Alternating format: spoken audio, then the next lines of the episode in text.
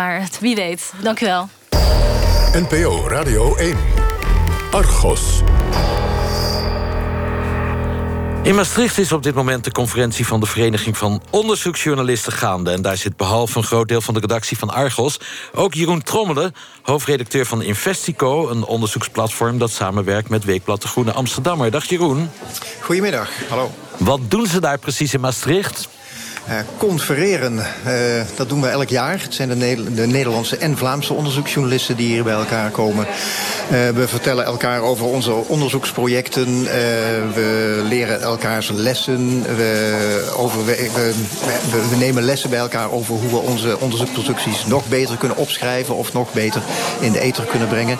Dus we doen aan, aan kwaliteitsverbetering hier. Ik heb altijd vooral sterke verhalen gehoord over de woeste nachten van vrijdag op zaterdag zaterdag. Was het weer zover dit jaar? Ja, ik geloof het wel, maar um, de, jullie redactie heeft mij gevraagd om het niet te gek te maken, omdat ik nog een beetje stem had vandaag. Dus uh, ik, ik heb me keurig gedragen. Wat is jouw eigen rol op die conferentie? Um, nou, behalve dat ik hier zit als hoofdredacteur van Investico... en gewoon de laatste ideeën wil horen... heb ik net zelf een uh, workshop gegeven over samenwerking in uh, de journalistiek. Samenwerken tussen concurrenten. Dat is iets wat sowieso steeds actueler wordt op internationaal vlak bijvoorbeeld. Er zijn allerlei lekaffaires, Wikileaks, Panama Leaks. En die zijn zo omvangrijk dat je ze in je eentje niet eens kunt doen. Dus je wordt wel haast gedwongen tot internationale samenwerking. Wat ik daar in Nederland aan toevoegen is dat wij dat met Investico ook op Nederlandse schaal doen. En uh, met veel enthousiasme. Dus wij propageren ook samenwerking tussen Nederlandse uh, uh, mediapartners. Met wie werken jullie samen? Uh, Investico werkt, uh, is, is in, het in de oprichting is afgesproken dat we samenwerken met het Financieel Dagblad, met Groene Amsterdammer en met Dagblad Trouw. Maar we mogen ook daar, los daarvan, afhankelijk van het onderwerp, samenwerken met anderen. Zo hebben we bijvoorbeeld wel eens met Argos samengewerkt. Goed zo. In de toekomst misschien nog vaker doen. Maar ook met Nieuwsuur uh, werken we samen, hebben we verschillende producties meegedaan. Onlangs hebben we een eerste productie gegaan samen met het Algemeen Dagblad. Over ouderenzorg ging dat. Dus we, we breiden onze samenwerkingsverbanden langzaam uit. Het grote voorbeeld voor Investico is het Amerikaanse onderzoeksplatform ProPublica. Wie zijn dat? Uh, ProPublica is, is een, een, jaar of tien geleden in de Verenigde Staten opgericht. Het thema van de conferentie was gisteren overigens Amerikaanse toestanden.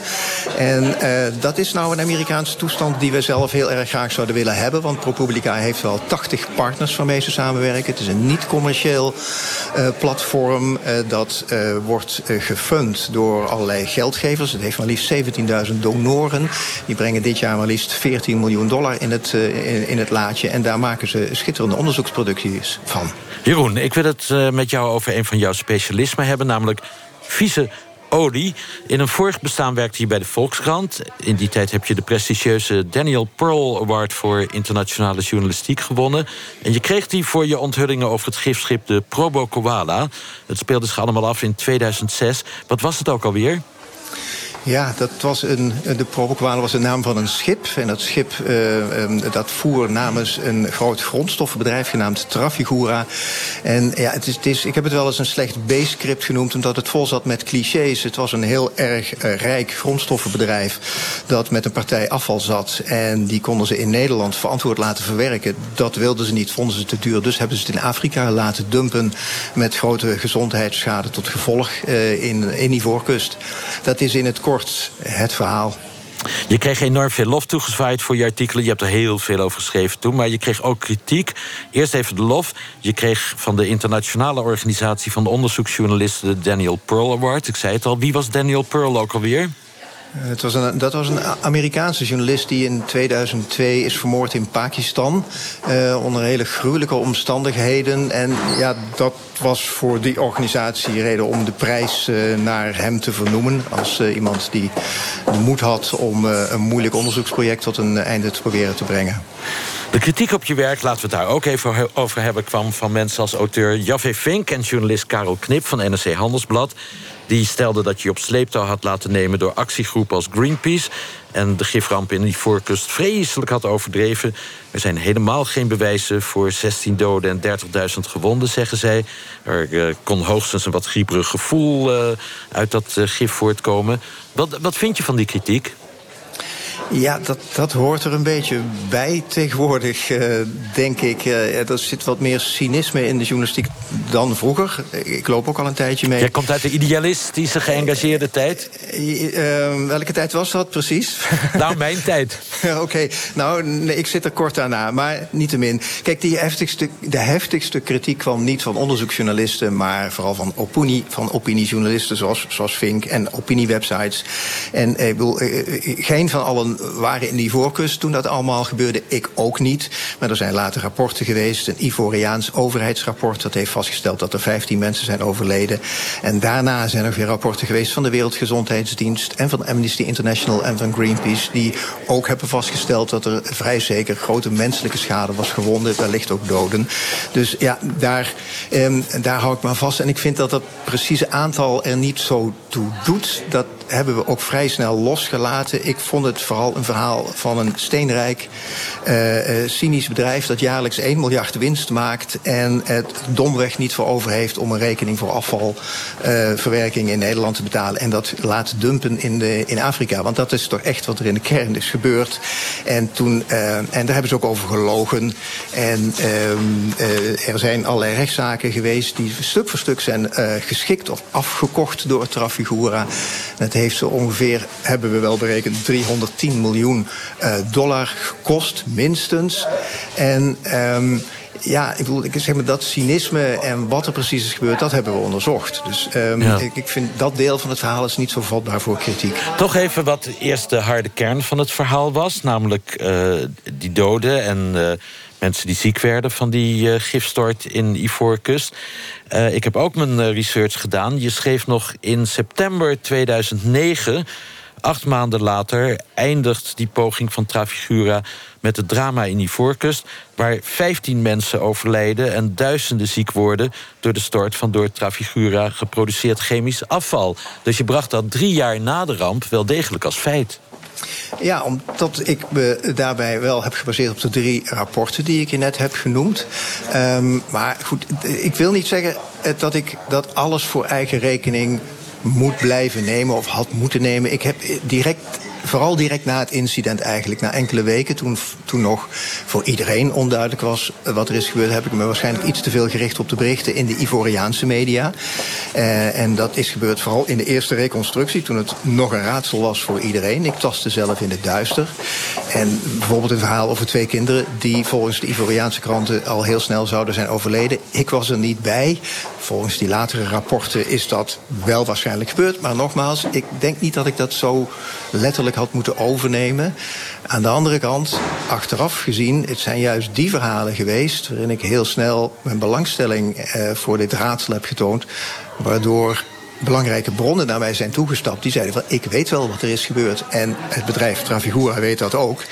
En hier heb je een rapport waarin het allemaal staat. En dat was een zeer belangrijk brondocument... waar ik uh, enorm veel aan heb gehad. Vooral omdat ik vanaf dat moment wist... dat het bedrijf over allerlei essentiële zaken loog. Maar is het wel een les, uh, Jeroen, die je er achteraf uit kunt trekken? Uh, vertrouw nooit cijfers uit rapporten uit landen als Ivoorkust. Ja, en dat vind ik nog steeds moeilijk. Um, ik heb toevallig ook heel erg veel ervaring in Suriname... Uh, waar ik een tijd heb gewoond en heel erg lang over heb bericht. En dat is ook zo'n ontwikkelingsland. En ik ben wel steeds meer tot het inzicht gekomen... dat um, uh, officiële cijfers lang niet altijd de echte officiële cijfers hoeven te zijn. En uh, als het nou alleen de regering van Ivoorkust was geweest... dan denk ik dat we wat ontspannender met die bewering hadden moeten omgaan. Maar zoals ik al zei, er zijn ook andere internationale organisaties geweest... die zich erop geworpen hebben en dingen hebben onderzocht. Ik wil even tot zover even die Probocolada-affaire van toen. Ik wil even overgaan op een soort gelijke affaire. In september was er nieuws over een andere oliehandelaar... IPCO Trading dit keer, en die Trafigura... die een uh, schikking heeft getroffen met de rechtbank in Rotterdam. Lijken die zaken op elkaar? Ja, heel, heel erg veel. Uh, inclusief de schikking, zeg dan maar weer. Maar net als bij destijds de Proboguala is uh, in dit geval ook weer hele vieze olie aan boord van een schip geraffineerd tot een ander product. Daar zijn schepen niet voor bedoeld. Het gebeurt wel massaal. Um, bij de Proboguala gebeurde dat voor de kust van Gibraltar. Hè, en daarna zijn ze met dat afval gaan leuren totdat het in Afrika terecht kwam. Bij dit schip ging het notabene over... Is het allemaal gebeurd voor de kust van Scheveningen. In zicht van de pier van Scheveningen. En dat is ook zo knullig gegaan dat, dat je achteraf moet zeggen dat Scheveningen aan een ramp is ontsnapt. Want het had heel makkelijk in de fik kunnen vliegen. En dan was er een explosie geweest, dan was het schip gescheurd, dan was er olie uh, uh, zeg maar in het zicht van de pier in zee gekomen. En dan had zich een behoorlijk grote ramp kunnen voordoen. We komen straks nog even uh, terug op dat verhaal van die schikking. Maar we gaan eerst luisteren naar wat er gebeurde op dat schip voor de kust van Scheveningen, de Frans Schulte. Uh, Jeroen, je zei het al, uh, Investico en Argos werken ook wel eens samen. Nou, dit is een resultaat van die samenwerking. Een verhaal van jouw collega Huip de Zeel van Investico en van Kees van der Bos van Argos. Een reconstructie die we eerder in januari uitzonden. Het zijn geen ongevaarlijke processen. Het zijn risicovolle processen. Als zoiets aan land zou plaatsvinden, dan zou het omgeven zijn met regelgeving. Nederland heeft nooit gezegd: kom maar hier met die afvalstoffen. Vandaar ook de illegale import. Als laatste hoorde u Renske Macor, persofficier van het Openbaar Ministerie in Rotterdam. Ze heeft het over een strafzaak die in januari diende tegen het Zwitserse oliebedrijf IPCO Trading. Dat bedrijf stond toen terecht omdat het vier jaar geleden voor de kust van Scheveningen een illegale chemische bewerking hebben laten uitvoeren op het tankschip de Frans Schulte. Ze hebben 6000 ton nafta, een soort ruwe benzine, daar chemisch verwerkt. En die bewerking, daar gaat dit verhaal over. Het gaat om precies dezelfde bewerking als die tien jaar geleden plaatsvond op de Probo Koala van oliehandelaar Trafigura. Toen leidde dat tot een grote milieuramp in Abidjan in Ivoorkust. Die milieuramp is in dit geval uitgebleven, maar er was wel een reëel gevaar voor een explosie. Argos over een bijna ramp en illegale oliepraktijken voor de Nederlandse kust. Als we het hebben over de Frans Schulte, hoorden wij er voor het eerst van toen dat schip ergens voer in de richting van de Noordzee, in de richting van Nederland. Toen hoorde u het dan? Toen hebben wij dat vernomen. En, en weet u nog van wie u dat hoorde? Van de internationale havenautoriteit. Dit is Roland Nieuweboer, directeur afvalindustrie en bedrijven bij de ILT, de Inspectie voor Leefomgeving en Transport. We hebben met bijna alle betrokkenen in dit verhaal gesproken. De oliehandelaar, de reder en het bedrijf dat verantwoordelijk is voor het chemische proces op het schip. Van hen kregen we schriftelijke antwoorden op onze vragen, waar we uit mogen citeren. En we spraken met een aantal nauw betrokkenen. Die moeten anoniem blijven omdat ze anders hun werk kwijtraken en in de oliebranche geen leven meer hebben. Met behulp van hun verklaringen kunnen we nauwkeurig reconstrueren wat er zich op de Frans Schulte heeft afgespeeld. Terug naar Roland Nieuweboer. De inspectie hoorde dus begin januari 2013 dat er een schip onderweg was vanuit Rusland naar Nederland. Met dit schip hè, werd van verteld er is uh, sprake van een industrieel proces aan boord. Er wordt nafta gewassen met caustic soda. Uh, dat leek zo op voorhand een proces wat ook had plaatsgevonden aan boord van de Probo Koala. Nou, we waren allemaal gealerteerd. Want na wat er gebeurd is in die voorkust willen de internationale autoriteiten toch proberen dat dit soort chemische stoffen, caustic soda, is een heel bijtend spul, gaat rondzwerven over de wereld. Zou, het zou zomaar weer gedumpt kunnen worden. Ik zeg niet dat dat de bedoeling was, maar dat zou kunnen. Dus we zaten op het vinkentaal. In augustus 2012 kreeg IPCO Trading een olieproduct aangeboden van een Russische raffinaderij. Het ging om bijna 6 miljoen ton nafta. Het product bevatte minder dan 1000 eenheden zwavel. We wilden het verkopen aan een derde partij. Dat schrijft Rosaria Carmeni, directeur van het oliebedrijf IPCO Trading, in een mail. De nafta is afkomstig van een raffinaderij in Tatarstan, een deelrepubliek van Rusland. Maar met die nafta was wel iets aan de hand. We ontdekten dat er veel meer zwavel in de nafta zat toen het product per trein al vervoerd was naar Kaliningrad. Het spul kon niet meer teruggestuurd worden naar de raffinaderij, want daar had men niet de technische mogelijkheden het uit de wagons te laden. Behandelen in de haven van Kaliningrad was geen optie, want de noodzakelijke faciliteiten ontbraken. We hebben geprobeerd het product te verkopen zonder het te behandelen, maar dat is niet gelukt. IPCO Trading heeft drie maanden lang geprobeerd om van de nafta af te komen. Maar niemand wilde het goedje hebben. En al die tijd lag het opgeslagen in wagons van de Russische haven Kaliningrad. We willen benadrukken dat als we geweten hadden wat de uitslagen waren van de analyses voordat we het product aannamen, we het nooit hadden geaccepteerd. We hebben die analyseresultaten van de nafta van de Frans Schulte. Nou, dan moet ik eventjes even goed naar kijken, maar het gaat niet zo, uh, niet zo snel. En die hebben we voorgelegd aan Michiel Marquet, chemisch deskundige. Hij werkt aan de TU Delft. Als ik kijk naar de hoeveelheid zwavel die erin zit, zit 14.000 in. In Nederland is dat maximaal 10 ppm. Dus 10, 10 is, dus een factor uh, 140 keer te hoog.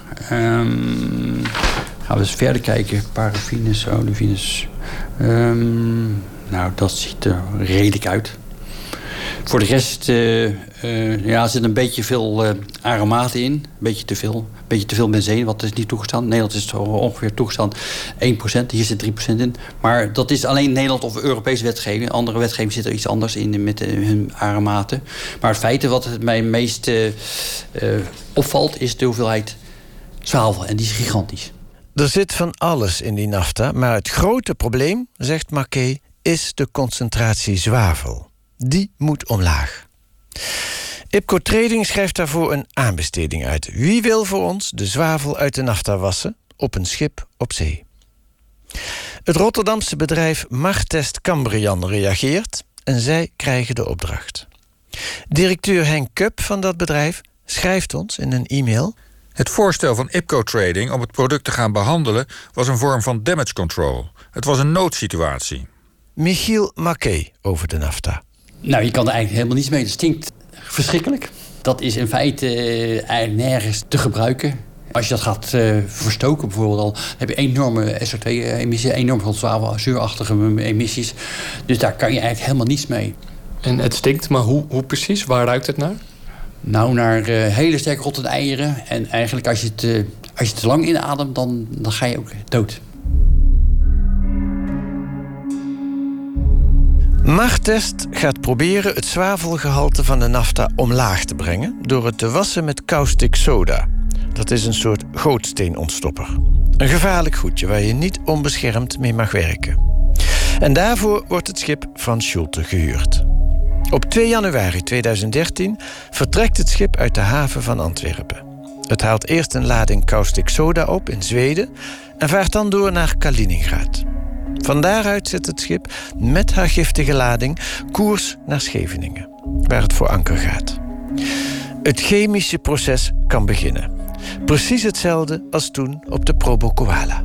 Als je zo'n industrieel proces in de haven van Rotterdam doet, ben je in feite gebonden aan de regels in Nederland, zoals die gelden voor BSZO-bedrijven. Het is een bedrijf dat valt onder de regeling van de risicovolle bedrijven. Daar hebben we er 440 van in Nederland. Een raffinage He, zo gebeurt heel veel.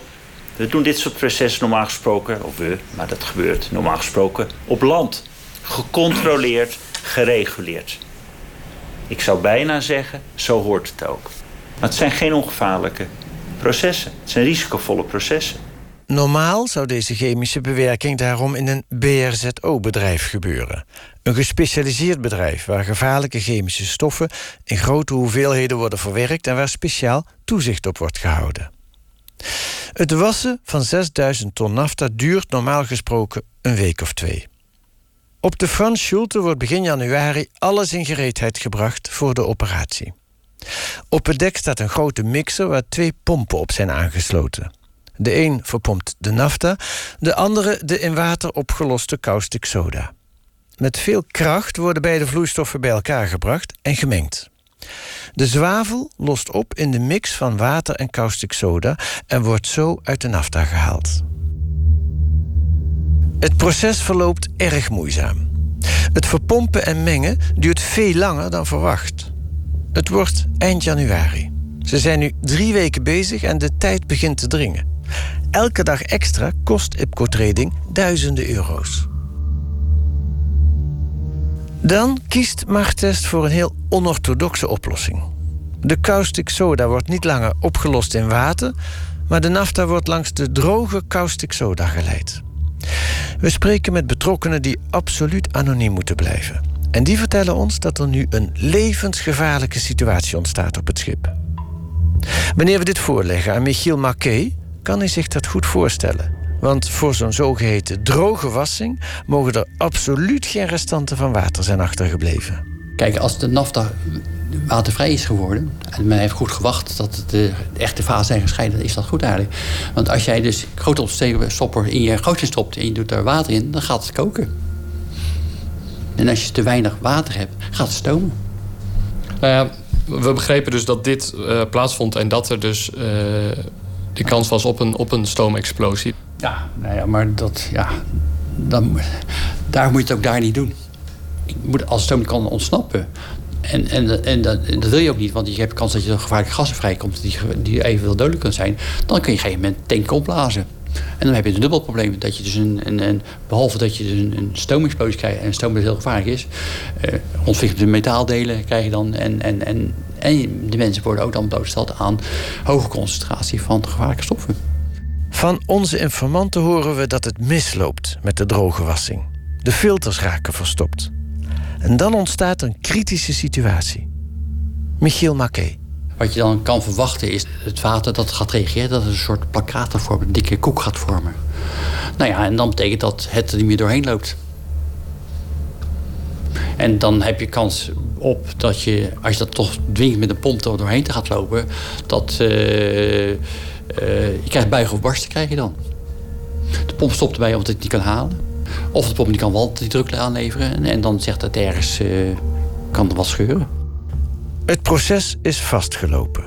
Het filter is verstopt. De druk in de tank loopt niet op.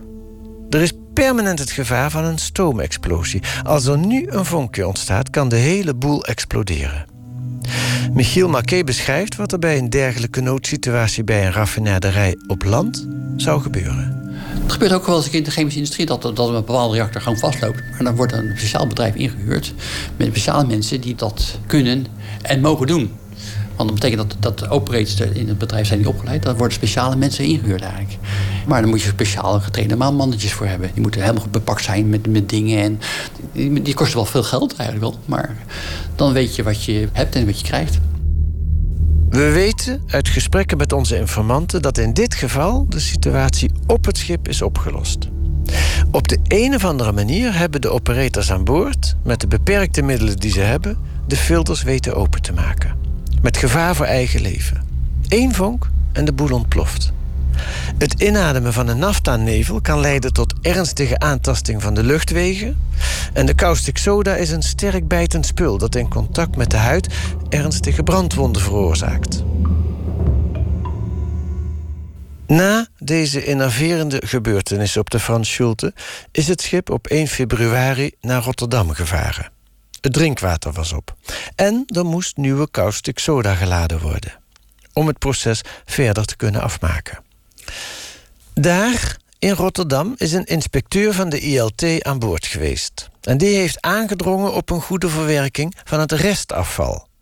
De inspectie was namelijk bang voor een herhaling van de ramp met de Probo Koala in 2006.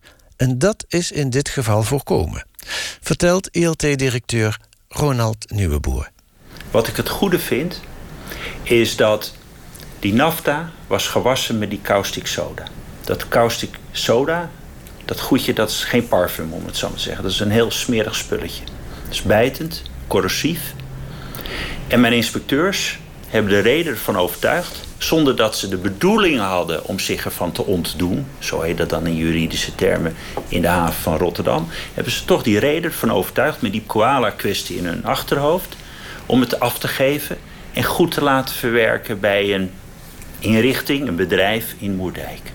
En dat hele proces, dus dat is vanuit overtuiging hebben ze dat gedaan. En dat hele proces hebben we tot aan de poort hebben we dat gecontroleerd. En ik vind dat door die handelswijze hebben mijn inspecteurs de angel eruit gehaald.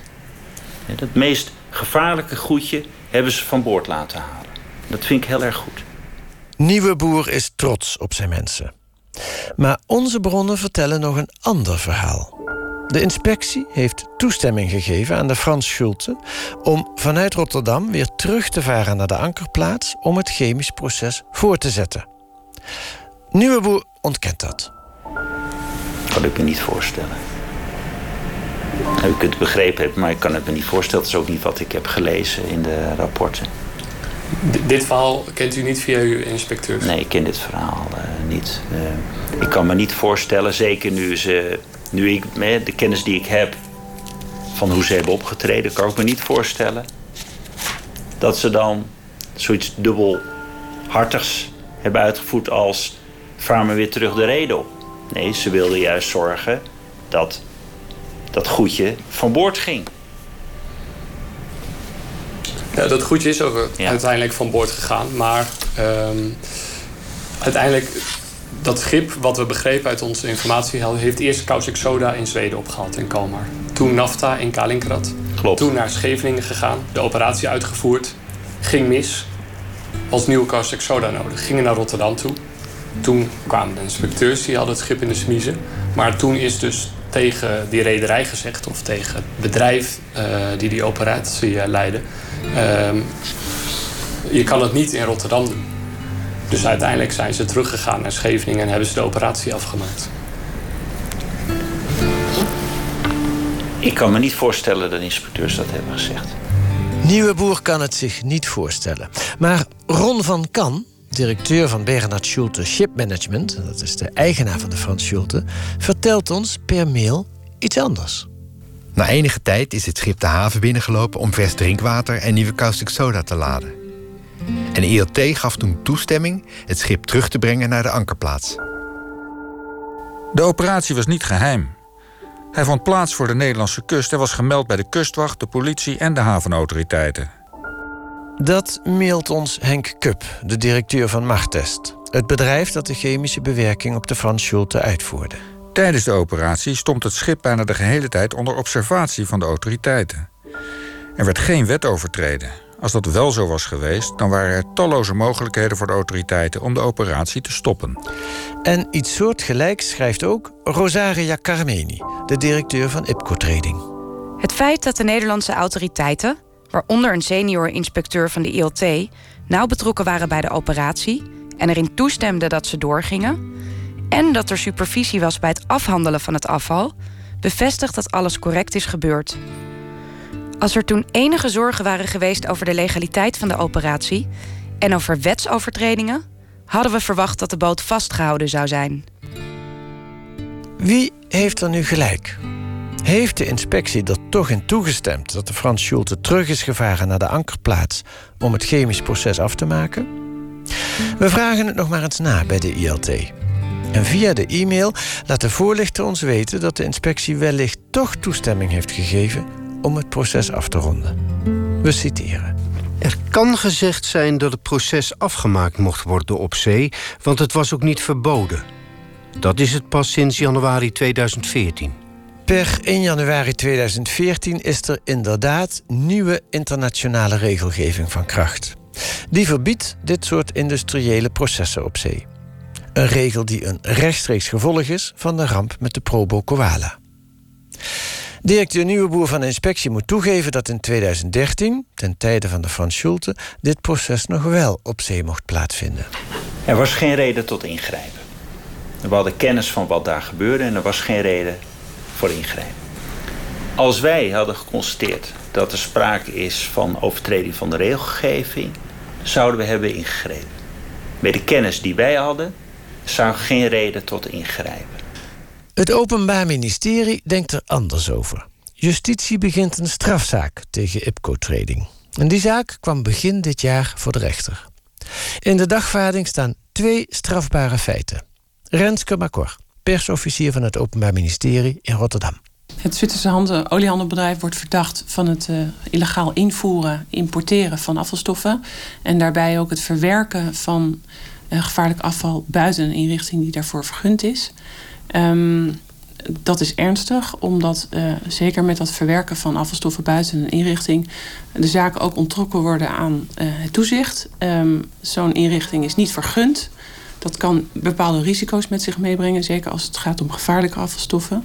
Twee strafbare feiten dus. Illegaal importeren van een afvalstof en illegaal bewerken van die stof op zee. De rechter zal zich erover uitspreken. De woordvoerder van Bernard Schulte Shipmanagement, de rederij waar de Frans Schulte ondervaart, zegt dat zij zich weinig zorgen maken over de afloop van die rechtszaak. Een dag of negen nadat we in Rotterdam caustic soda hadden opgehaald, kwam er een politieteam aan boord voor onderzoek. Er werden kopieën van logboeken gemaakt.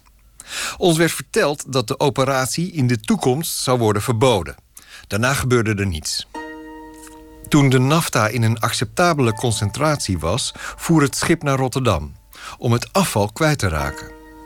Ook daar kwam de politie, de inspectie en nog andere specialisten aan boord. Opnieuw vonden die niets wat ons of Martest ten laste gelegd kon worden. Na het afvoeren van het afval hebben we de haven verlaten. De lading werd afgeladen in Antwerpen. We weten niet waar hij daarna heen is gegaan.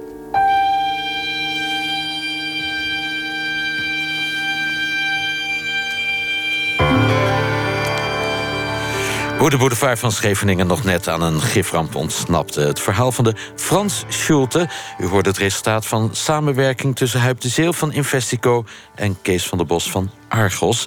En Jeroen Trommelen van Investico zit nog steeds in Maastricht... bij de VVOJ-conferentie. Waar is die olie uiteindelijk naartoe gegaan, Jeroen? Nou, vrijwel zeker naar Afrika. Het was, um, kijk, het afval is netjes verwerkt in Nederland, maar wat er overbleef was eigenlijk nog steeds afval, maar dan in de olie. Um, uh, alleen in Afrika heeft dit soort brandstof uh, nog toekomst. In, in, in Nederland voldeed het bij lange na niet aan de eisen. En de, met name zat veel te veel zwavel in. En de enige plek waar je dat nog kwijt kunt is in Afrikaanse landen. We hoorden net dat IPCO Trading, de oliehandelaar, voor de rechter moest verschijnen. hoe is dat afgelopen? Um, dat um, is afgelopen in een, in een boete of een schikking. Ik bedoel, de beide woorden worden gebruikt door justitie van 100.000 euro. Uh, waarschijnlijk toch wel voldoende voor het bedrijf om dat niet nog een keer zo te doen. En ja, de rechter heeft vastgesteld dat ze het inderdaad niet zonder vergunning deze afvalstof hadden mogen importeren. Dus een afvalstof. Um, en dat ze het ook niet op die manier op het schip hadden mogen verwerken. Dus aan alle, alle aspecten zoals ze net in de uitzending voorbij zijn gekomen, uh, zijn door de rechter beboet. We weten nu van twee gevallen, de Pro Bocoale en de Frans Schulte. Hoe vaak gebeurt dit eigenlijk?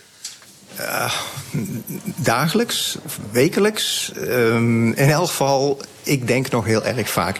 Niet voor de kust van Scheveningen, denk ik. Ik bedoel dat onze uh, controlediensten hebben dit nu wel goed in orde. Maar en, ik zei al, bij de Provoquale is het gebeurd voor de kust van Gibraltar en bij Malta.